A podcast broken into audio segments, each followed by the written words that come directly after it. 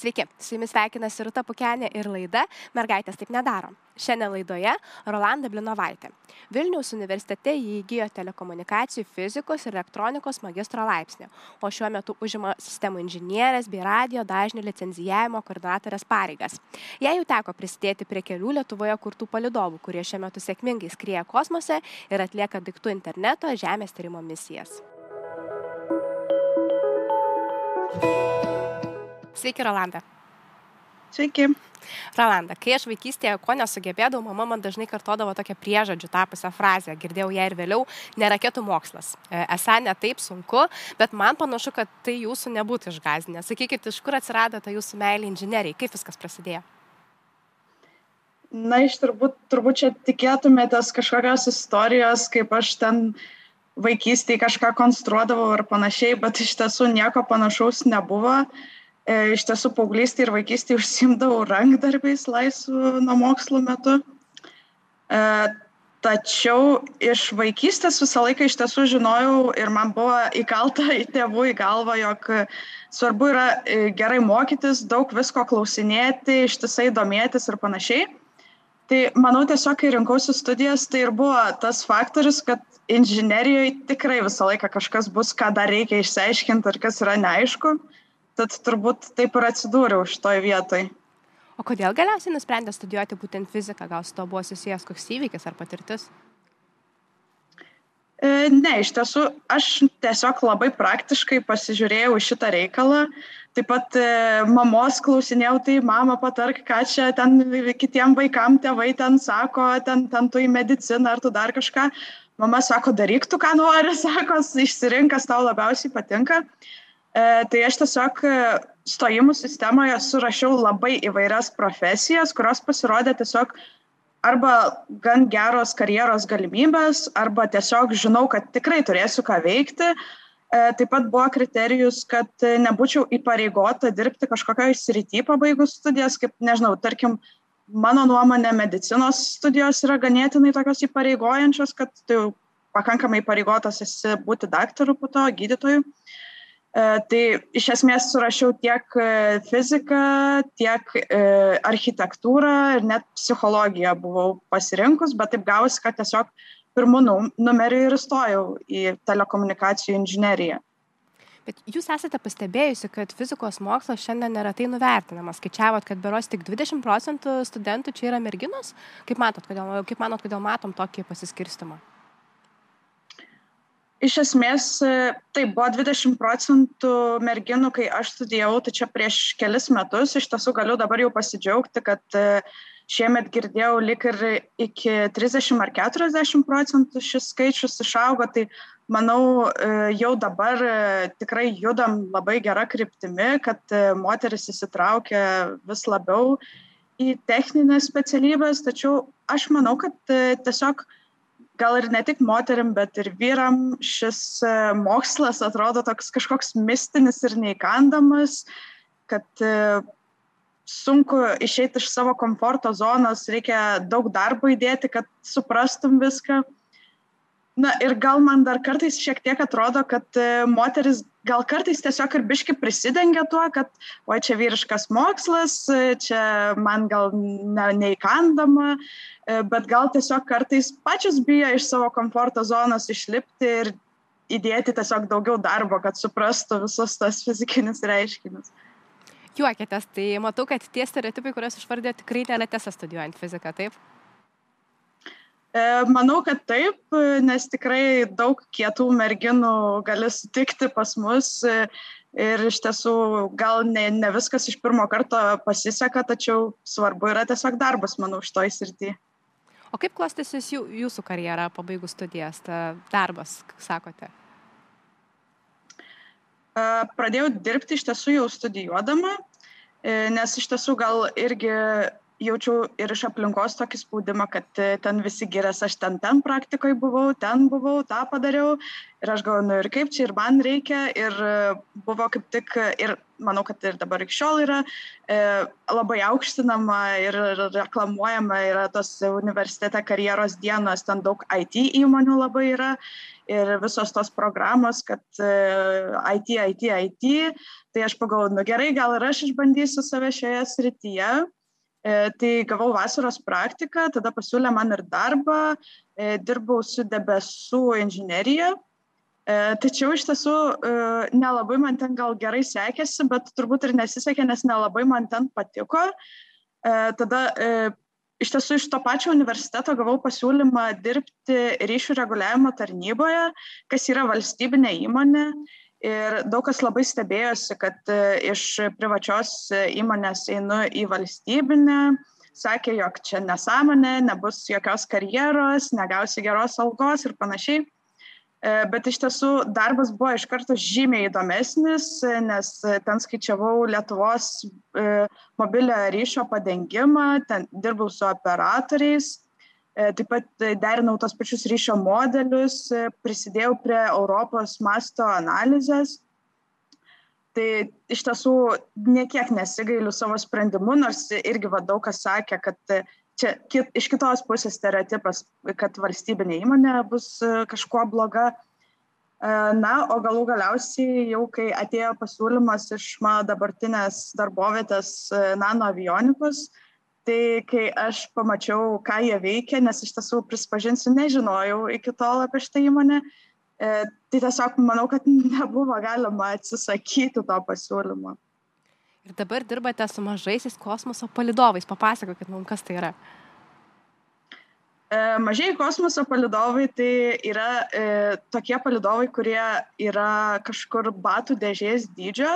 E, gaminame iš tiesų ir mažesnius, ir didesnius. E, tai jie skrenda žemojoj Žemės orbitai, tai yra apie 500 km aukštyje, palyginus su tais dideliais e, palidovais, kurie ten sveria tonomis ir jie skrenda 35 tūkstančių km aukštyje. Tai iš karto galima matyti, kad e, žymiai pigiau yra pagaminti mažąjį palidovą negu tą didįjį. Tai dėl to jie šiais laikais jau tapo ir populiarūs, nes e, juos taip pat gali panaudoti e, žemės stebėjimo misijose, nes jie skrenda pakankamai neaukštai, dėl to yra geros sąlygos nufotografuoti, nufilmuoti žemę. Taip pat e, jau prisideda ir prie 5G tinklų ir tiek pat prie daiktų interneto, nes iš tiesų gali paleisti daug tų palidovų. Yra kaip ir dabar tikrai visi žinom SpaceX'o Starlinką, kur ten tūkstančiais leidžia tų palidovų ir gali užtikrinti gerą ryšį. Tai iš esmės e, tokia yra visa filosofija aplink mažuosius palidovus, kad tai galime greitai pagaminti, e, galime prisidėti prie naujų technologijų, e, pademonstruoti tas naujas technologijas ir tai nekainuoja labai daug, dėl to ir Lietuva šiandien laisvai gali leisti daug palidovų, nes nereikia didelių išteklių tam padaryti ir prisidėti prie mokslo ir technologijų gerinimo. Visiškai nerealu, kad tai kuriama Lietuvoje. E, papasakokit, kokios yra jūsų atsakomybės susijusios su šiuo darbu. Kaip atrodo ta inžinierio darbo diena, inžinierius? Iš esmės, kaip ir minėjau, dirbau prieš tai ryšių reguliavimo tarnyboje, e, kurie iš esmės išduoda radio licencijas. Tai pir, pirmosios mano pareigos ir buvo radio licenzijų koordinatorė. E, tai iš esmės e, dirbau su, skamba ganėtinai paprastai, bet iš esmės reikia pakankamai nema, neblogai apibūdinti savo sistemą, visas techninės charakteristikas surinkti, kad galėtum gauti tą licenciją ir tai trunka daug laiko iš tiesų. Tačiau praėjus metams tokio darbo pastebėjom, kad e, man jau nebereikia skirti visos darbo dienos šitam, šitoms būtent pareigoms. E, ir kadangi aš jau metus dirbau įmoniai, e, kas, kadangi nėra labai sena įmonė, jau buvo pakankamai daug, neblogai išmaniau visus projektus, nes iš esmės kiekvienam projektui turėjau dirbti su tom licenzijom, tai pakankamai gerai iš, išmaniau specifiką, kas vyksta, ko, e, kokios misijos ir panašiai. E, tai man pasiūlė tapti sistemų inžinierę. E, tai sistemų inžinierius yra žmogus, kuris e, iš esmės turi žinoti po truputį iš kiekvieno įmonės departamento. E, ir iš esmės, kai ateina kažkoks klientas, e, sistemų inžinierius e, nagrinėja reikalavimus, ta, kiek žino pats padaro, kiek pasitarė su kitais departamentais ir iš esmės sudėlioja visą palidovo, kaip palidovas turi atrodyti, kokios turi jame būti subsistemos, kad viskas veiktų tarpusavį gerai. Tai iš esmės, jo, pakankamai nelengvas darbas Ir gal man šiek tiek net ir pasisekė, kad atsiradau tinkamu laiku, tinkamoje vietoje, kadangi e, sunku patekti į šią poziciją. E, ir dar kitas dalykas, Lietuvoje nėra e, studijų, kurios e, iš esmės leistų iš karto dirbti šitą darbą ir labai sunku yra rasti tinkamus žmonės, o užsienyje studijuojantis dažniausiai faktas, kad ten ir pasilieka, nes taip pat yra daug didelių kosmoso įmonių tai tiesiog gavau gerą progą patobulėti, net nestudijavus šito mokslo, įsigilinti ir pasimokyti naujų dalykų ir ką aš iki šiol puikiai darau, nors jau beveik metai toj bus kaip dirbu, e, tačiau tikrai dar toli gražu visko reikia daug išmokti ir to labai džiaugiuosi, kad kiekviena diena tokia ir yra, kad vis kažką naujo sužinai. Ir žinau, kad daug mokotės ir iš užsienio, visai neseniai grįžote iš komandiruotės, tiesa? Taip. E, tai iš esmės, e, jo, e, pagaliau po karantino turėjom galimybę susitikti gyvai su klientais. Tai iš esmės čia šita kelionė buvo kaip kontrakto pasirašymo tikslais. Tai labai džiaugiuosi, kad pasirašėme dar vieną kontraktą, kurių jau visai nemažai turime šiai dienai. E, tai bus e, irgi e, Žemės stebėjimo misija. Man kaip sistemų inžinieriai tai yra pirmoji tokio tipo misija. Tai labai laukiu pradėti dabar ir irgi išmokti apie Žemės stebėjimą daugiau. su tokia šypsena ir žavesiu kalbate apie savo darbą, bet nu turiu paklausti, tai kad esate moteris ir inžinierė, jums kada nors dirbant arba ieškant darbo buvo privalumas, trūkumas, kokia yra jūsų asmeninė patirtis, ar iš tiesų tai kada nors pakišo koją? E, pakišti nepakišo, e, Šiaip niekada nebuvo tai kažkoks dalykas, kurį labai pastebėčiau.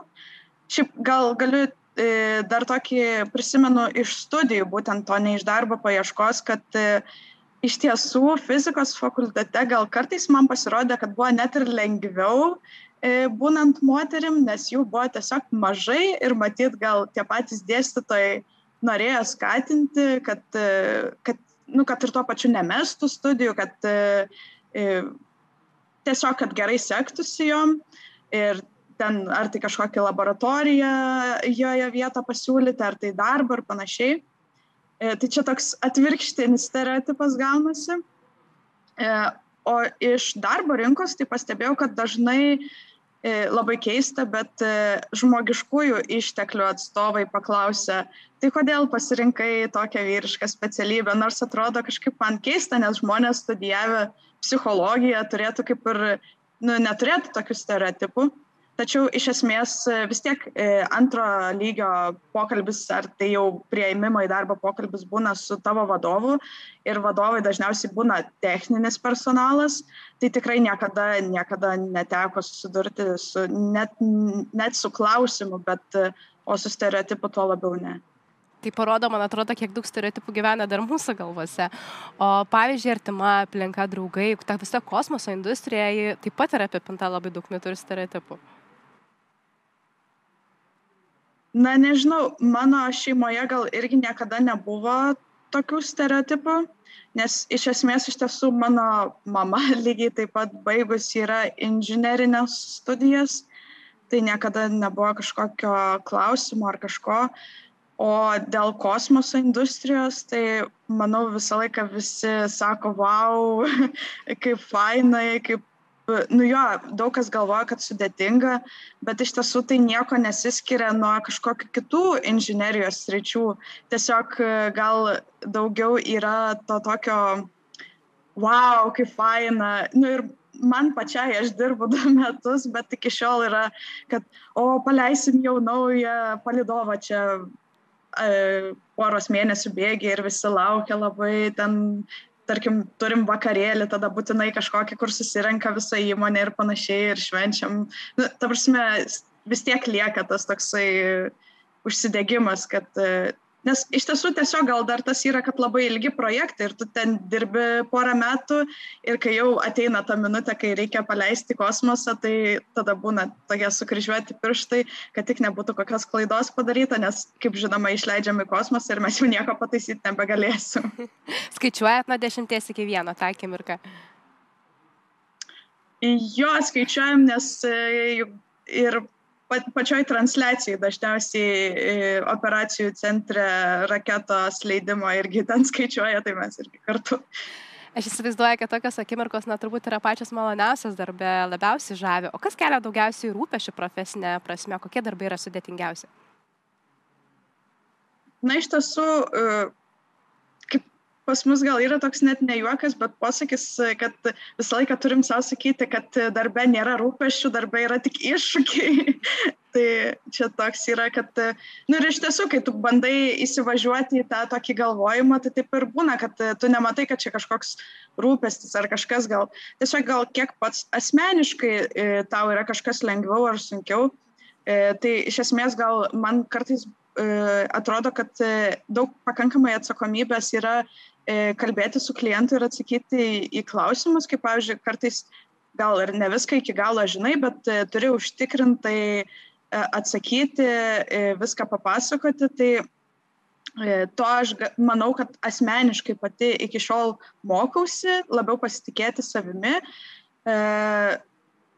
taip pat dar yra ta, ta dalis, kai e, padarai kažkokias techninės analizės ir viską reikia sudėti į oficialius dokumentus, tai ne visiems inžinieriam tas patinka ir sekasi, kartais visokių ir gramatinių klaidų pridarai ir panašiai.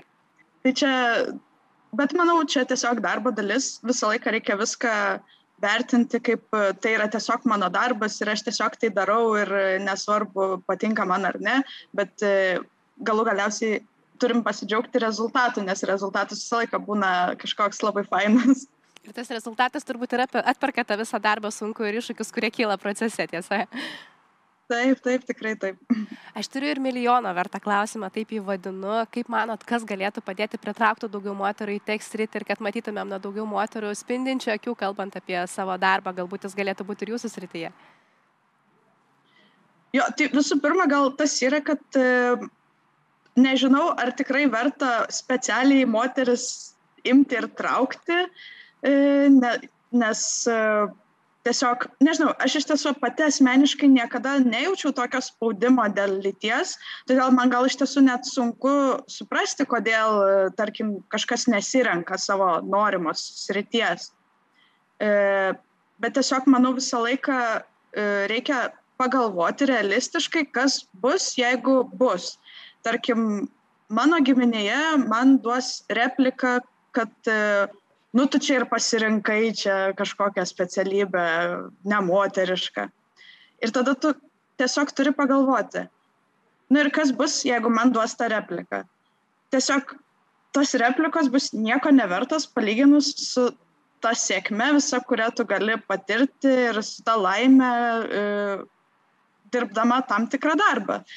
Tai tiesiog, manau, kartais užsiblokuojame patys savo galvoje, savo galvoje susikuriam kažkokius barjerus ir aš iš tiesų, aišku, negaliu patarti, kaip juos peržengti, bet gal, kaip, gal kažkam užteks paklausyti va jūsų laidos, gal kažkam reikės, nežinau, net kažkokios psichoterapijos, kad peržengti save, e, bet tiesiog visą laiką turim realistiškai pagalvoti, kad e, jeigu kažkas kas man blogo atsitiks, jeigu aš pabandysiu, kas ar man duos kažkas per galvą ir panašiai.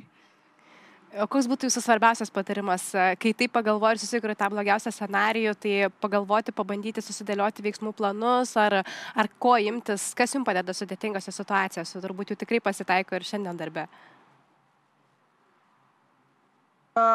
Iš esmės, jeigu taip nuo ko pradėti, tai aš tiesiog manau, kad taip nuo pat pradžių pradedant, jog svarbiausia tiesiog pasirinkti kažkokias studijas visų pirma.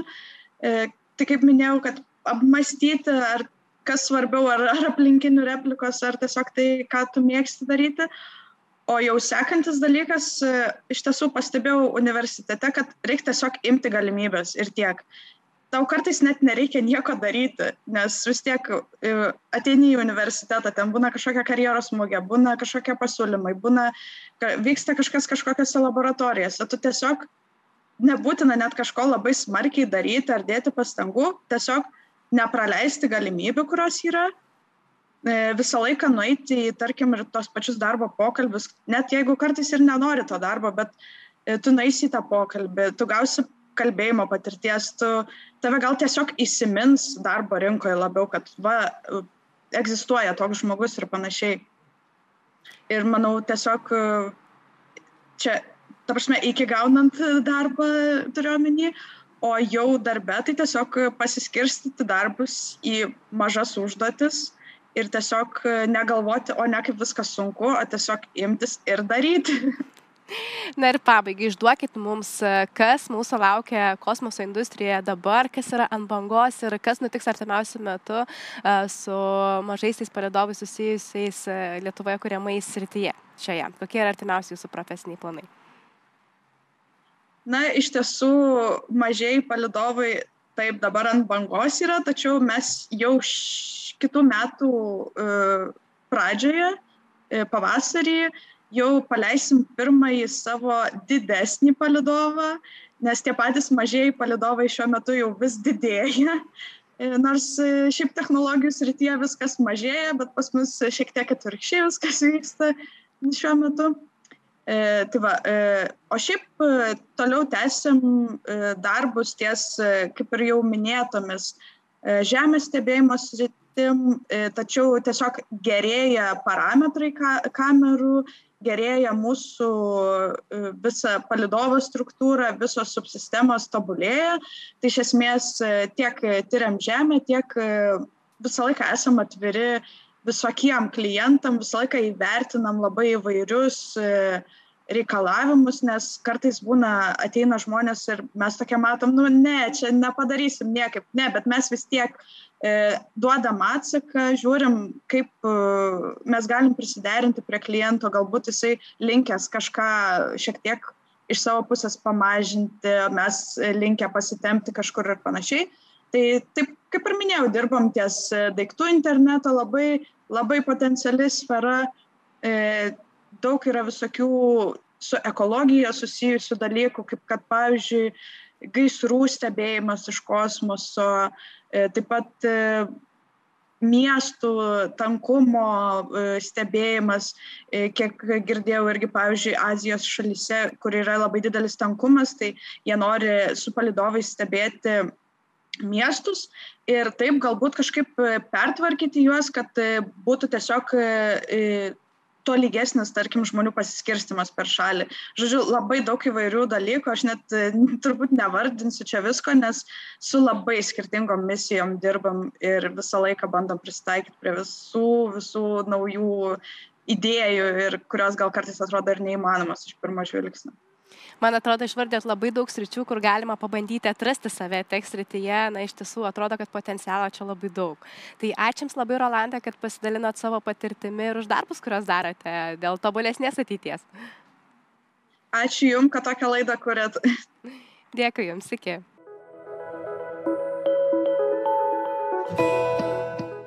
Ačiū ir Jums, žiūrovai, kad buvote kartu su mumis. Padėkoti taip pat norėčiau laidos remėjai bei partneriai Baltika Modeos. Iki.